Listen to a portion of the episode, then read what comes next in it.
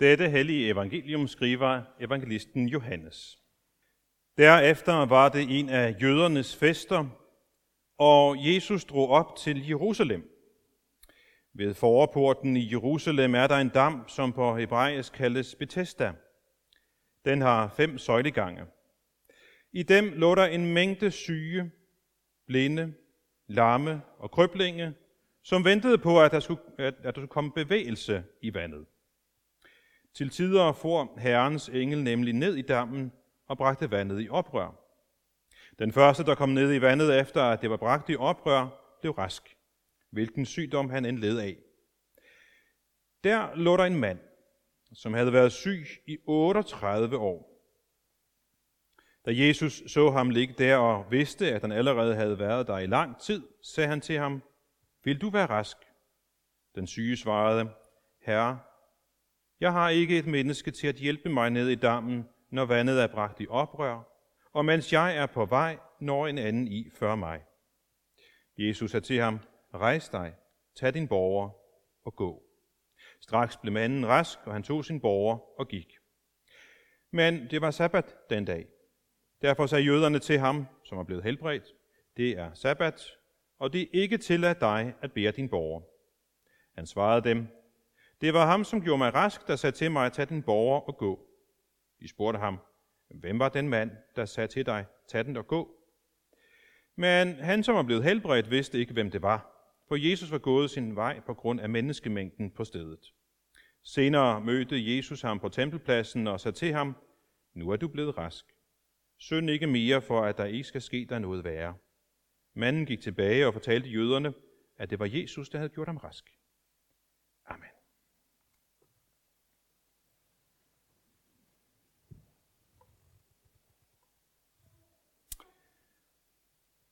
John Lennon, som I kan se på billedet her, han mødte Yoko Ono, fordi hun holdt en kunstudstilling i London. John Lennon kendte hende ikke på det tidspunkt. Men han var inde og se den her udstilling. Et af de udstillede værker på udstillingen var denne stige, som vi kan se på billedet. Den førte op til en vandret plade, som I kan se øverst. Og så kan I se, der hænger noget og dingler ned fra pladen. Hvis man gik op af stien, så fandt man ud af, at det, der hang der, var et forstørrelsesglas. Hvis man tog det i hånden og kiggede helt op under pladen, kunne man se et lille yes. Altså et lille ja.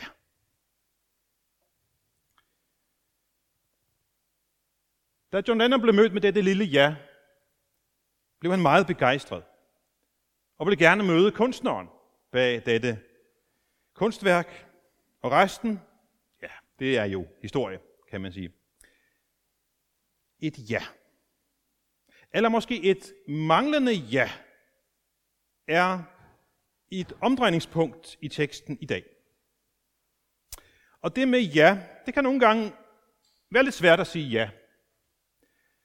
Fordi når vi siger ja til noget, så kan det medføre noget. Hvis øh, hver gang vi siger et ja, så følger der noget med. Også når man siger et ja i kirken, for eksempel ved et ægteskab, et job, et huskøb, eller hvad det nu er, så følger der noget med, når vi siger ja. I går, så stod der fem dejlige unge mennesker her foran alderet og sagde ja. Højt og tydeligt to gange. Først til, at de forsager djævlen og alle hans gerninger osv., og så et ja til, at de tror på Gud Fader, Gud Søn og Gud Helligånd. Og det, der skete i går, var det konfirmation. Det kan I selvfølgelig gætte. Og det hænger ganske glimrende sammen med det, der lige er sket for et øjeblik siden over ved døbefonden. For netop det ja, de sagde i går, var en bekræftelse på det, de fem ja. Lad I mærke til det? Der var fem gange, han skulle sige ja. som sker ved dåben. Ved dåben siges der ja tak til, at barnet skal høre sammen med Jesus. Dåbens ja fører til noget godt og stort. Fællesskabet med Jesus. Lad os lige vende tilbage til John Lennon. Hvis nu han var kravlet op af stien i forventning om noget spændende, taget forstørrelsesglasset, og så stod der no. Altså nej i stedet for. Hvad vil der så være sket? Ja, det ved vi jo sådan set ikke, men måske var han tænkt, nå, jeg vandrer ned igen og går videre til det næste. Hvem der har lavet det her, kan være lige meget. Så var han måske bare gået slukøret ned igen og gået hjem, uden at møde Yoko Ono. På færøsk, der, hvis man skal tale altså i den færøske ordbog, så øh, bruger man ikke ordet positivt og negativt. Man bruger det i daglig tale, men man har oversat det. Så siger man, positivt, det er ordet noget, der er ja lidt. Ligesom vi går ordet, der er lidt. Altså ja lidt. Og negativt, det er noget, der er nej lidt. Så når man er positiv, så er man jallig, og når man er negativ, så er man nejlig. Vær nu ikke så nejlig, siger man så til hinanden. For der klinger jo et, noget negativt ved et nej. Det kan man på, hvad det siger selvfølgelig. Et nej kan selvfølgelig have sin plads, men det har alligevel en nejlig klang, kan man sige. Og for mange nejer, for mange begrænsninger kan også være kvælende. Vi kender det måske i form af, at hvis vores forslag og vores tanker og idéer for, for ofte får et nej, så kan vi miste modet, så kravler vi ned og går slukøret hjem. Og så kan vi lige så godt lade være med at gøre noget, eller prøve på noget. Det bliver bare til et nej. Og i dagens beretning fra Betesterdam, så ser vi en mand, som har oplevet mange nej i sit liv, og er ret tilbageholdende med at sige ja. Hans liv har været præget af de her mange nejer. Måske har han bedt nogen om hjælp flere gange, for at komme ned til vandet, og har fået afvisende svar. Hans egen krop er også afvisende. Den vil ikke. Den siger også nej. Den duer ikke. Og nu kommer jeg lige en par med en parentes. Fordi netop den her bemærkning om, at det her oprørte vand skyldes, at Herrens engel kommer ned i vandet og bringer det i oprør, og, øh, og når man så kommer ned, den første, der lykkes med at komme ned, er at blive helbredt. Lige præcis den her del af teksten er jeg forsigtig overfor. Om det virkelig kan passe, at Johannes skrev det. Fordi det står faktisk ikke i de ældste håndskrifter. Og det harmonerer også meget dårligt med det billede, jeg har af Gud, at Gud skal indføre sådan et første mølleprincip i forhold til det her, så dem, der løber hurtigst, de får gevinsten, og dem, der ikke gør, det er bare too bad. Så jeg vil, jeg vil tro, at det her er en detalje, der er blevet indført efterfølgende. Det ser man ud fra håndskrifterne også. Så hans forventning til vandet er nok mere spørgsmål om overtro end Guds tro. Men han ligger der så der, med den her forventning til vandet skulle hjælpe ham, og skuffelsen har stået i kø på hver gang, der kommer uro i vandet. Og her ved mødet med Jesus, så er han ikke engang til stand til at svare et rigtigt ja på det spørgsmål, som måske er lidt mærkeligt, for Jesus spørger ham, vil du være rask? Hvorfor spørger Jesus om det? 38 års lammelse, det ved Jesus godt. Har du lyst til at blive rask? Et besynderligt spørgsmål at stille. Men den lamme svar er vel også lige så besynderligt, for han svarer, jamen jeg har ikke nogen at hjælpe mig. Jeg tænker, at den lamme ikke ved, hvem han egentlig taler med. Det ser vi også senere i teksten. Da de spørger ham, hvad var det, der gjorde det? Ah, det ved jeg ikke helt, siger han. Han ved tydeligvis ikke, at det er Jesus, Guds egen søn, herre over sygdom, liv og død, der står foran ham. Den Jesus, som vi nogle gange opsøger med det, som ligger os på sinde, men som i teksten her opsøger denne mand. Og det er det med, at Jesus opsøger denne mand, og Jesus opsøger os, har vi også set et eksempel på i dag. Ved dåben er det Jesus, der opsøger os. Jesus opsøgte for et øjeblik siden lille Isak. Og om et øjeblik, ja, hvad skal vi sige, om 10 minutter, måske lidt mere end det, det må I holde ud, øhm, så kan I alle blive opsøgt af Jesus herop ved nadverbordet, da vi modtager hans lægeme og blod. Der er det havn, der opsøger os. Havde den lamme vidst, at det var den Jesus, som stod foran ham, så tror jeg, at han ville have svaret, ja tak, jeg vil gerne være rask. Og i stedet for, så bliver det sådan en bebrejdelse, jamen jeg har ikke nogen, der kan hjælpe mig. Man kan sige, at hans liv var ikke præget af særlig meget at takke for, og heller ikke de store fremtidsudsigter, indtil han mødte Jesus den her dag, blev helbredt ved sin sygdom. Man kan sige, at i forhold til vores indledende snak om ja, så bringer Jesus et stort ja ind i hans liv den dag. Et liv, som ellers har været præget af en masse nejer. Fordi der står, straks blev manden rask. Og så kommer vi til spørgsmålet. Er det noget, som skete for 2000 år siden, og ikke kan ske i dag? Eller kan det ske i dag? Det tror jeg, det kan. En af de ting, som har været opmuntrende for mig, når vi har været sammen i en smågruppe, som er for mænd her ved kirken. Der er nemlig nogle smågrupper her, det skal vi høre mere om i dag.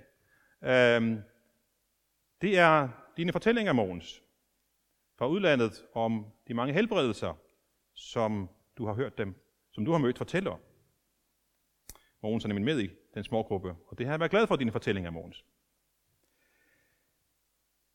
At bede om helbredelse, det sker også i dag.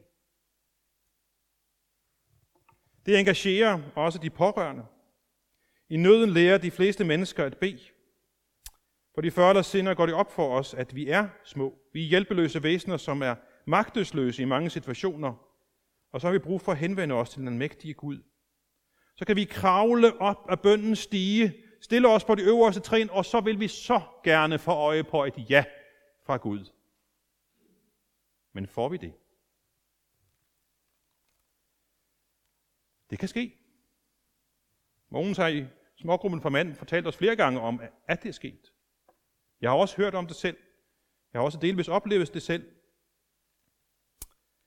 Så kan man glemme at sige tak, ligesom der skete for Jesus. Hvis man derimod oplever et nej fra Gud, man kravler op ad bøndens stige, det har jeg selv oplevet. I forbindelse med min mors sygdom, så kravlede vi som familie op ad bøndens stige, og ville så gerne have et ja fra Gud. Det kom der ikke.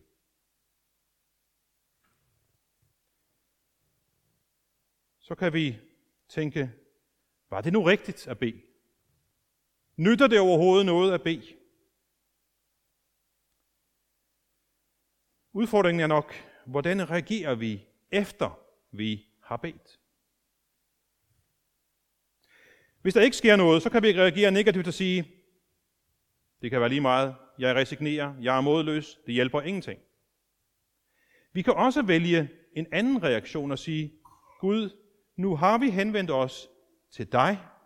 Vi har lagt den syge i dine hænder, og nu lægger vi så vedkommendes sygdomsforløb eller helbredelsesforløb over dine hænder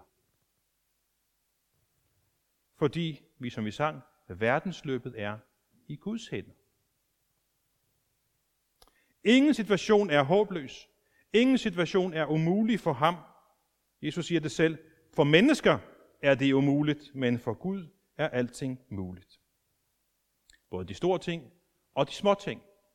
Derhjemme så har vi nogle gange været i tvivl om, om den skade, som børnene har pådraget sig ved at falde på cykel eller noget den stil, var stor nok til, at man gad gå på skadestuen med den. Kan vi ikke bare lappe det lidt selv? Fordi det, det er jo ikke så alvorligt, det her. Og, og sådan kan vi nogle gange tænke, ah, det her, det skal jeg ikke forstyrre Gud med. Det er jo ikke så alvorligt, så jeg skal ikke tage Guds tid med det her. Det er en misforståelse. Kom bare, siger Gud. Du skal ikke holde dig tilbage, for kom til mig. Vi kom til ham med det hele. Og i den anden skala, så er der heller ingenting, som er for store eller for besværlige, til at vi kan lægge det frem for Gud i bøn. Selv den største skade, den mest alvorlige sygdom, kan vi lægge i hans hænder i vidsheden om, at den Gud, som har givet os livet, også er i stand til at rette op på skaden eller tage sygdommen bort, når og hvis han vil. Det er en stor gave, et stort løfte, som Gud har givet os. Han hører og svarer på vores henvendelser. Men nogle gange, så er der altså et nej. Vi får øje på med forstørrelsesglasset, når vi beder til ham. Nogle gange kan det også være et vent.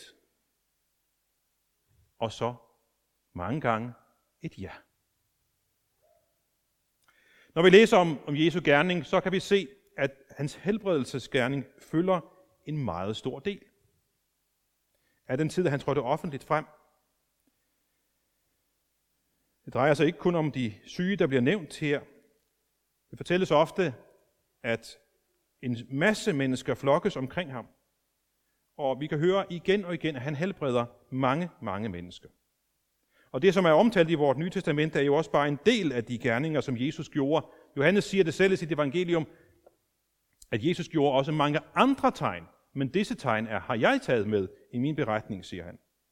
Så det fremgår klart, at Jesu helbredende gerning hænger tæt sammen med ham som person, som Guds søn, som frelseren. Og han svarer også Johannes, da Johannes døberen i fængslet sender sin disciple for at spørge Jesus, er du virkelig den lovede, som Gud har sendt? Hvordan svarer Jesus som jo?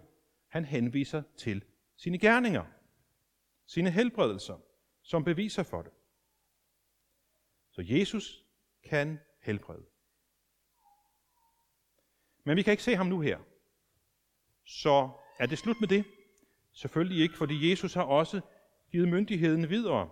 Han siger, den der tror på mig, han skal gøre de gerninger, jeg gør. Ja, han skal gøre større gerninger end dem, for jeg går til faderen. Så han giver magt, det hører vi også i Bibelen, han giver magt til sine disciple til at helbrede sygdom og skrøbelighed. Jesus er nemlig også der, hvor evangeliet forkyndes, og han følger med med sine gerninger og sine tegn. Og det gælder ikke bare disciplen dengang, men også læser vi om det i de, blandt de første kristne. Paulus har det med som en af sine nådegaver i listen over de opgaver, der er, og nådegaver, der er til menigheden. Jakob opfordrer os til at i sit brev til forbøn for de syge, og det kan også ske i dag. Og også i dag opfordres vi det samme, til at opsøge ham og bede om hjælp. Nogle bliver helbredt, andre ikke. Og det er det frustrerende måske med den her beretning.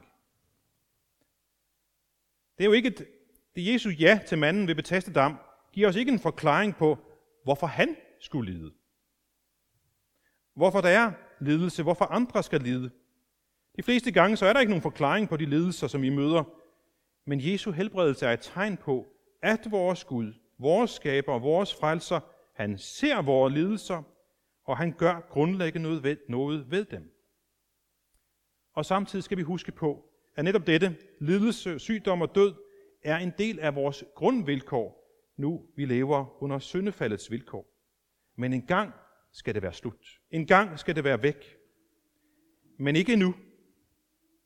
Bibelen beskriver det endelige opgør med alle syndefaldets konsekvenser som noget, der ligger ude i fremtiden. Så det er ikke noget, som vi som kristne kan eller bør forvente, at sygdom går forbi os nu her i livet. Bibelen lærer os, at det først skal ske i fremtiden, når Gud nyskaber jorden, at der må vi forvente, at alle syndefaldets følger forsvinder. Men indtil det, så er vi underlagt syndefaldets vilkår, som alle andre mennesker. Men det betyder ikke, at vi skal resignere og sige, nå ja, så kan jeg ikke gøre noget. Nej.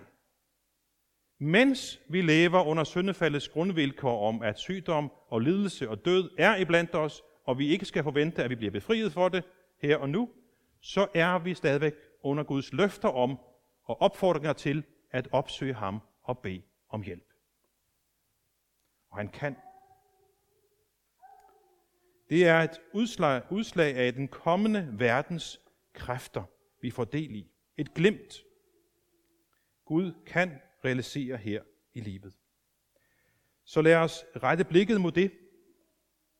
Det tegn, der blev vist den dag. Det lys, som Gud tændte i mørket, da han gav os sin søn. For at vi ikke skal havne i håbløshed og modløshed.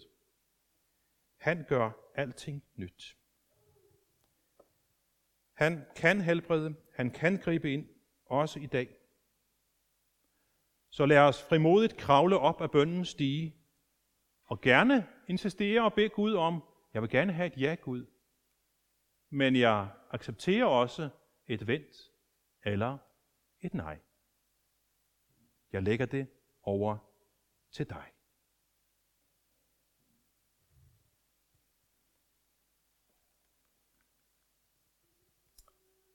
Og med det synes jeg, vi skal rejse os. Og med apostlene tilønske hver andre, hvor Herres Jesu Kristi nåde, Guds kærlighed og Helligåndens samfund være med os alle.